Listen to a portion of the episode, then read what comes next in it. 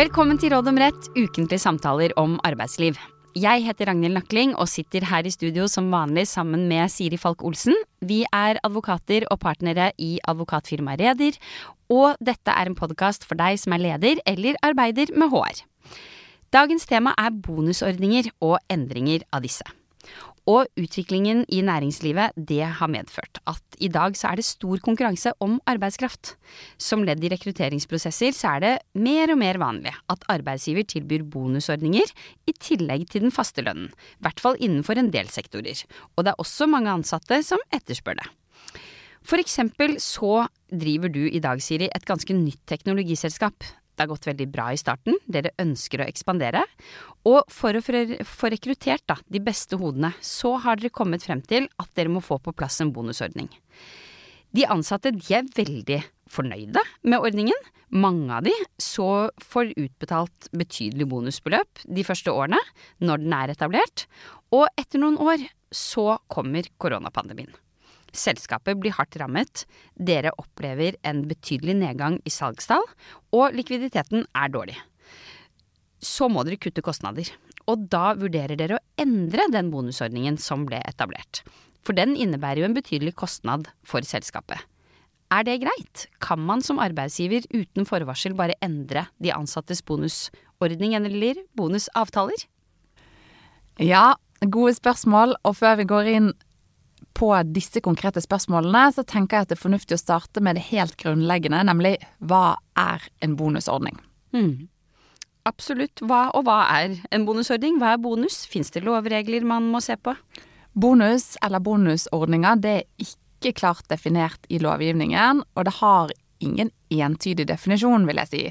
Men enkelt sagt så kan man si at det er tale om en slags avtale mellom arbeidsgiver og arbeidstaker som gir arbeidstaker rett til et gode under forutsetning av at visse vilkår er oppfylt. Og så snakker vi jo nå om bonusordninger. Men de fins det jo veldig mange av. Veldig ulike. Kan du si litt om det? Ja, det er helt riktig. Her er det store variasjoner. Men ofte så trekker man et skille mellom det man kaller for diskresjonære eller rettighetsbaserte bonusordninger. Diskresjonære bonusordninger, dvs. Si at det er arbeidsgiver selv som beslutter om bonus skal utbetales, og hvor mye som skal utbetales, ut ifra en mer skjønnsmessig vurdering. Ved rettighetsbaserte bonusordninger så vil derimot den ansatte som utgangspunkt ha et rettskrav på bonus hvis vilkårene er oppfylt. Og da er det ikke noe arbeidsgiver uten videre kan endre. Da er det ett type skille, diskresjonær bonusordning, rettighetsbasert bonusordning. Hva med bonusordninger på individ- eller gruppenivå, er det også et typisk skille? Ja, det er det. Man skiller ofte mellom individuelle, teambaserte eller driftsbaserte bonuser. Der ligger forskjellen primært i hvem bonusen gjelder for, og her vil det ofte være ulike vilkår for de ulike gruppene. Individuelle bonuser kan f.eks. være knyttet til den enkeltes prestasjoner, eller såkalte stay-on-bonuser, eller sign-on-bonuser. Når man snakker om sign-on, så er det noe man ofte får idet man begynner i, i et arbeidsforhold. Og stay-on, da snakker man ofte om bonuser som arbeidstaker får for å bli i arbeidsforholdet en gitt periode. Og det er jo ganske vanlig i en oppkjøpssituasjon, hvor de som kjøper en virksomhet, ønsker sikkerhet for at nøkkelpersonell blir med videre med de nye eierne. Og så driftsbaserte bonuser, det kan gå ut på at alle ansatte får en del av bedriftens overskudd, i tillegg til den faste lønnen. Og jeg kan også nevne at dette med bonuser, det trenger jo faktisk ikke heller å være utbetaling i form av penger. Det kan jo også være eh, gode i form av aksjeopsjonsordninger. Hmm.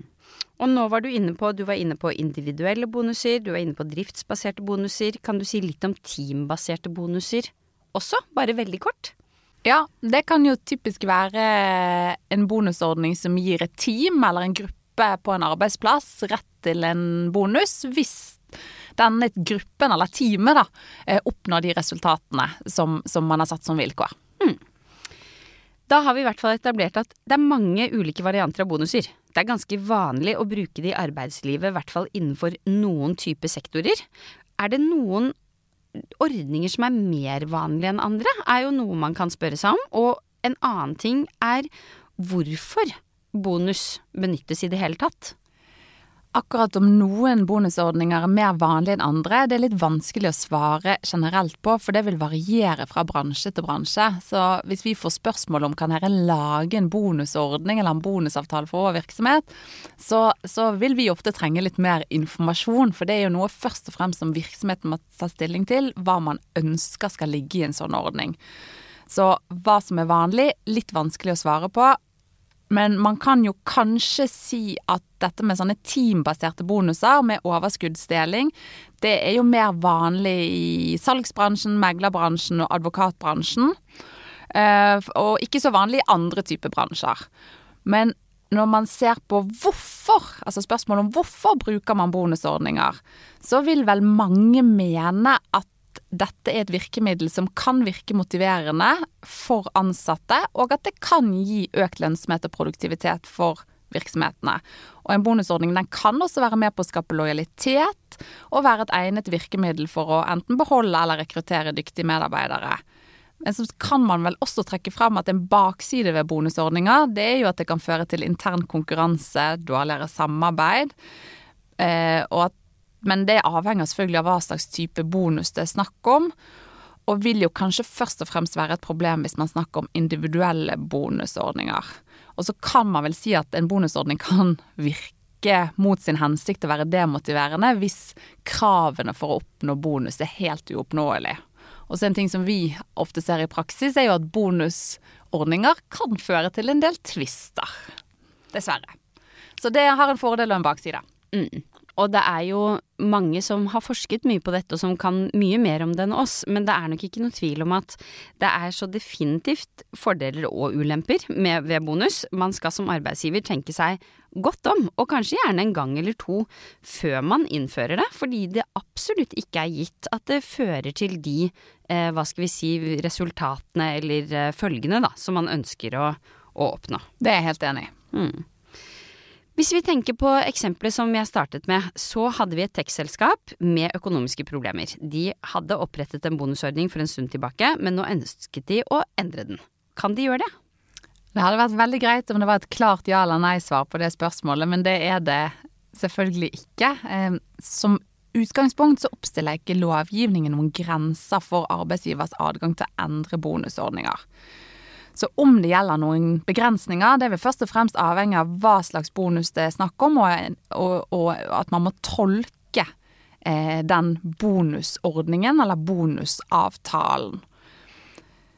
Det kan jo være fastsatt i individuell arbeidsavtale at det er tatt inn noen bonus i selve arbeidsavtalen, eller det kan være en egen bonusavtale, bonusordning, generell avtale i bedriften.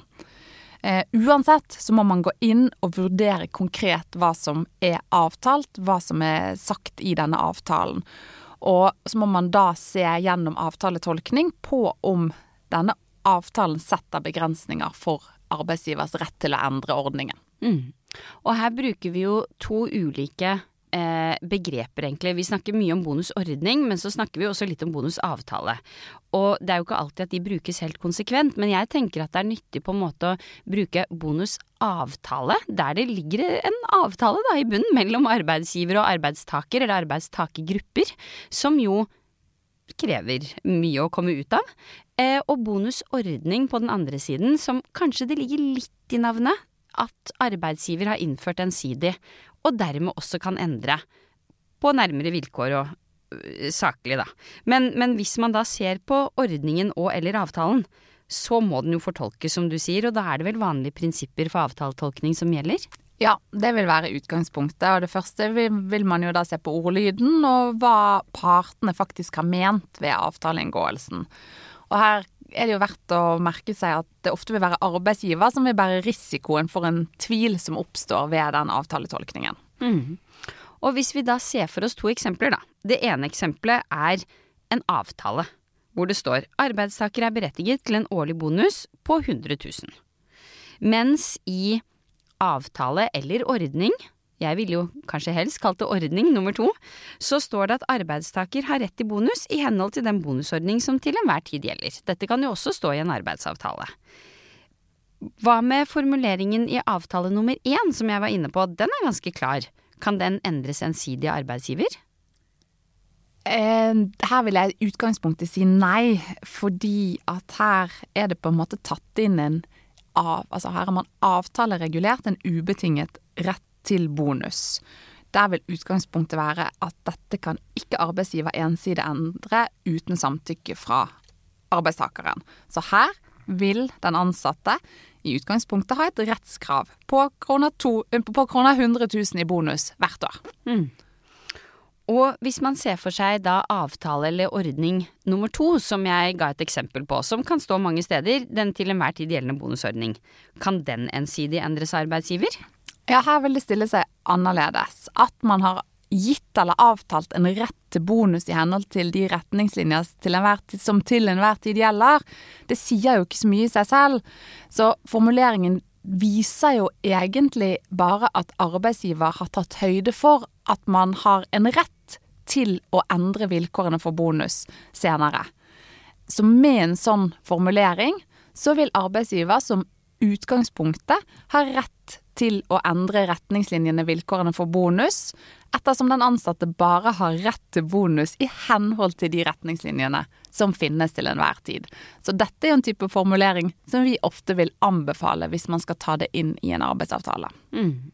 Og la oss si at dette tekstselskapet vårt hadde en sånn formulering. I arbeidsavtalen til de ansatte eller i personalhåndboken på intranett. Kan de da gjøre hva de vil med bonus fremover? Nei, ikke helt. Selv om arbeidsgiver i den type tilfeller har et veldig vidt spillerom, så er det likevel noen grenser for hvordan endringer som skjer i kraft av styringsretten skal skje. Dette med styringsrett er et veldig stort tema som, som, vi nok kommer til å snakke om i flere andre episoder. Men helt enkelt sagt så er jo det selskapets rett til å lede, fordele og kontrollere arbeidet innenfor rammen av det arbeidsforholdet som er inngått. Og Det betyr igjen at styringsrettene kan være begrenset ved lov, avtale eller noen ganger også tariffavtale. Så eh, Først må man jo da ta stilling til dette. Er det innenfor styringsretten å foreta en en endring.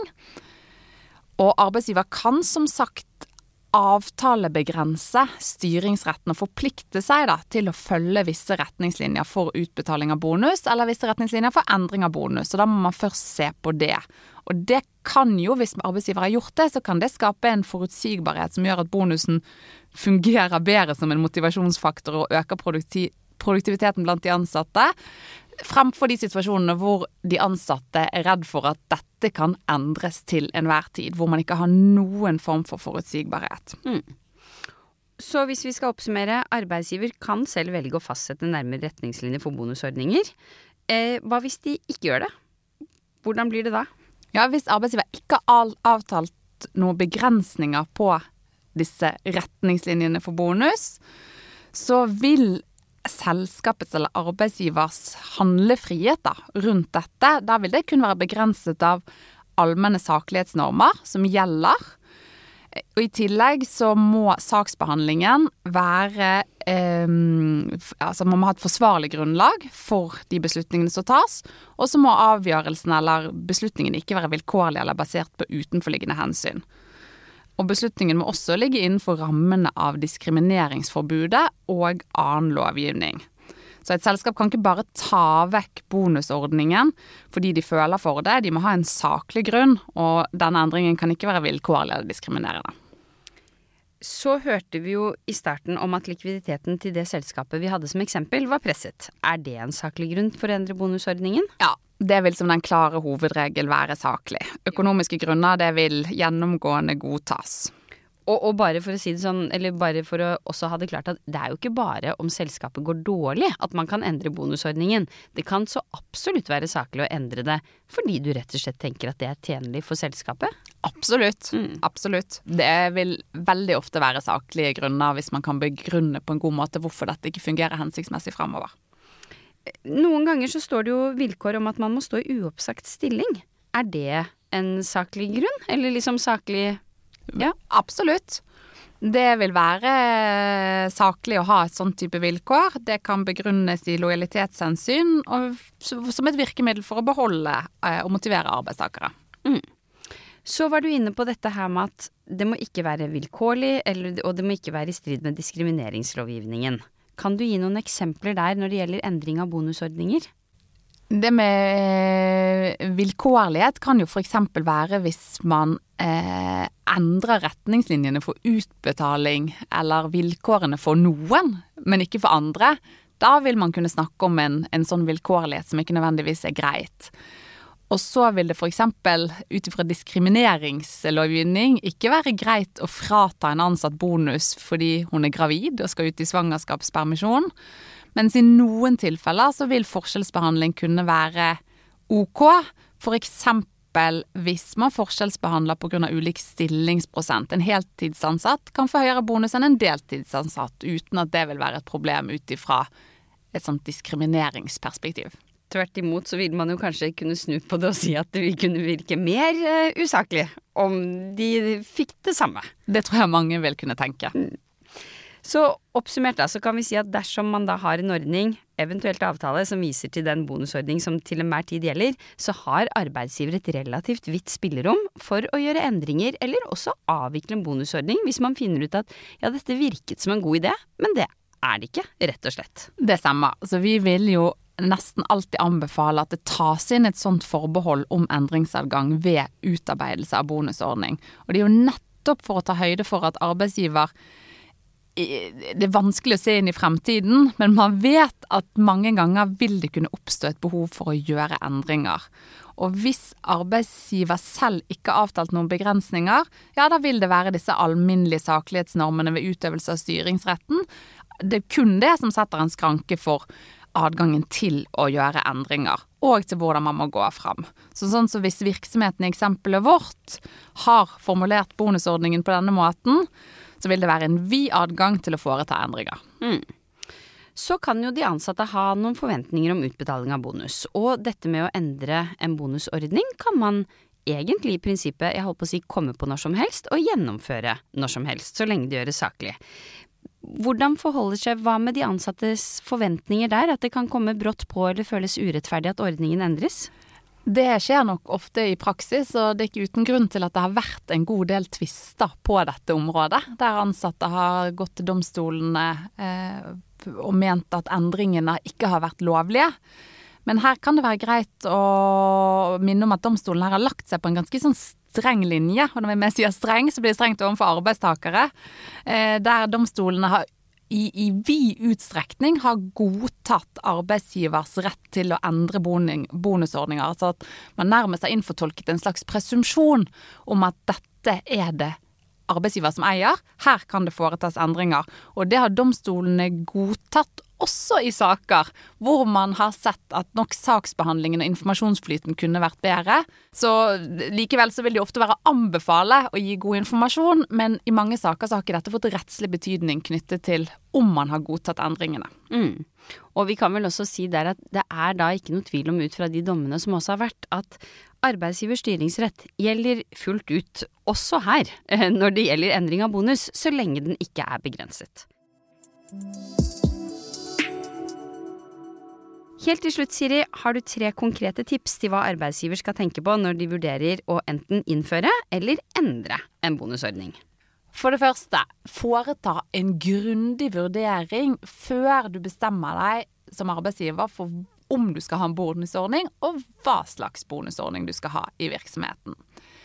To, lag ordninger med innebygget fleksibilitet til å gjøre fremtidige endringer. Typisk ved å fastsette en endringsadgang der det står at arbeidsgiver ensidig kan endre ordningen på et senere tidspunkt. Da skaper man seg et handlingsrom fremfor å binde seg til konkrete utbetalinger i fremtiden. Og til slutt, punkt tre, sørg for å ha gode rutiner for informasjon til de ansatte når ordninger eventuelt endres. Det var det vi hadde. Takk for i dag. Vi kommer tilbake med nytt tema og nye tips i neste episode.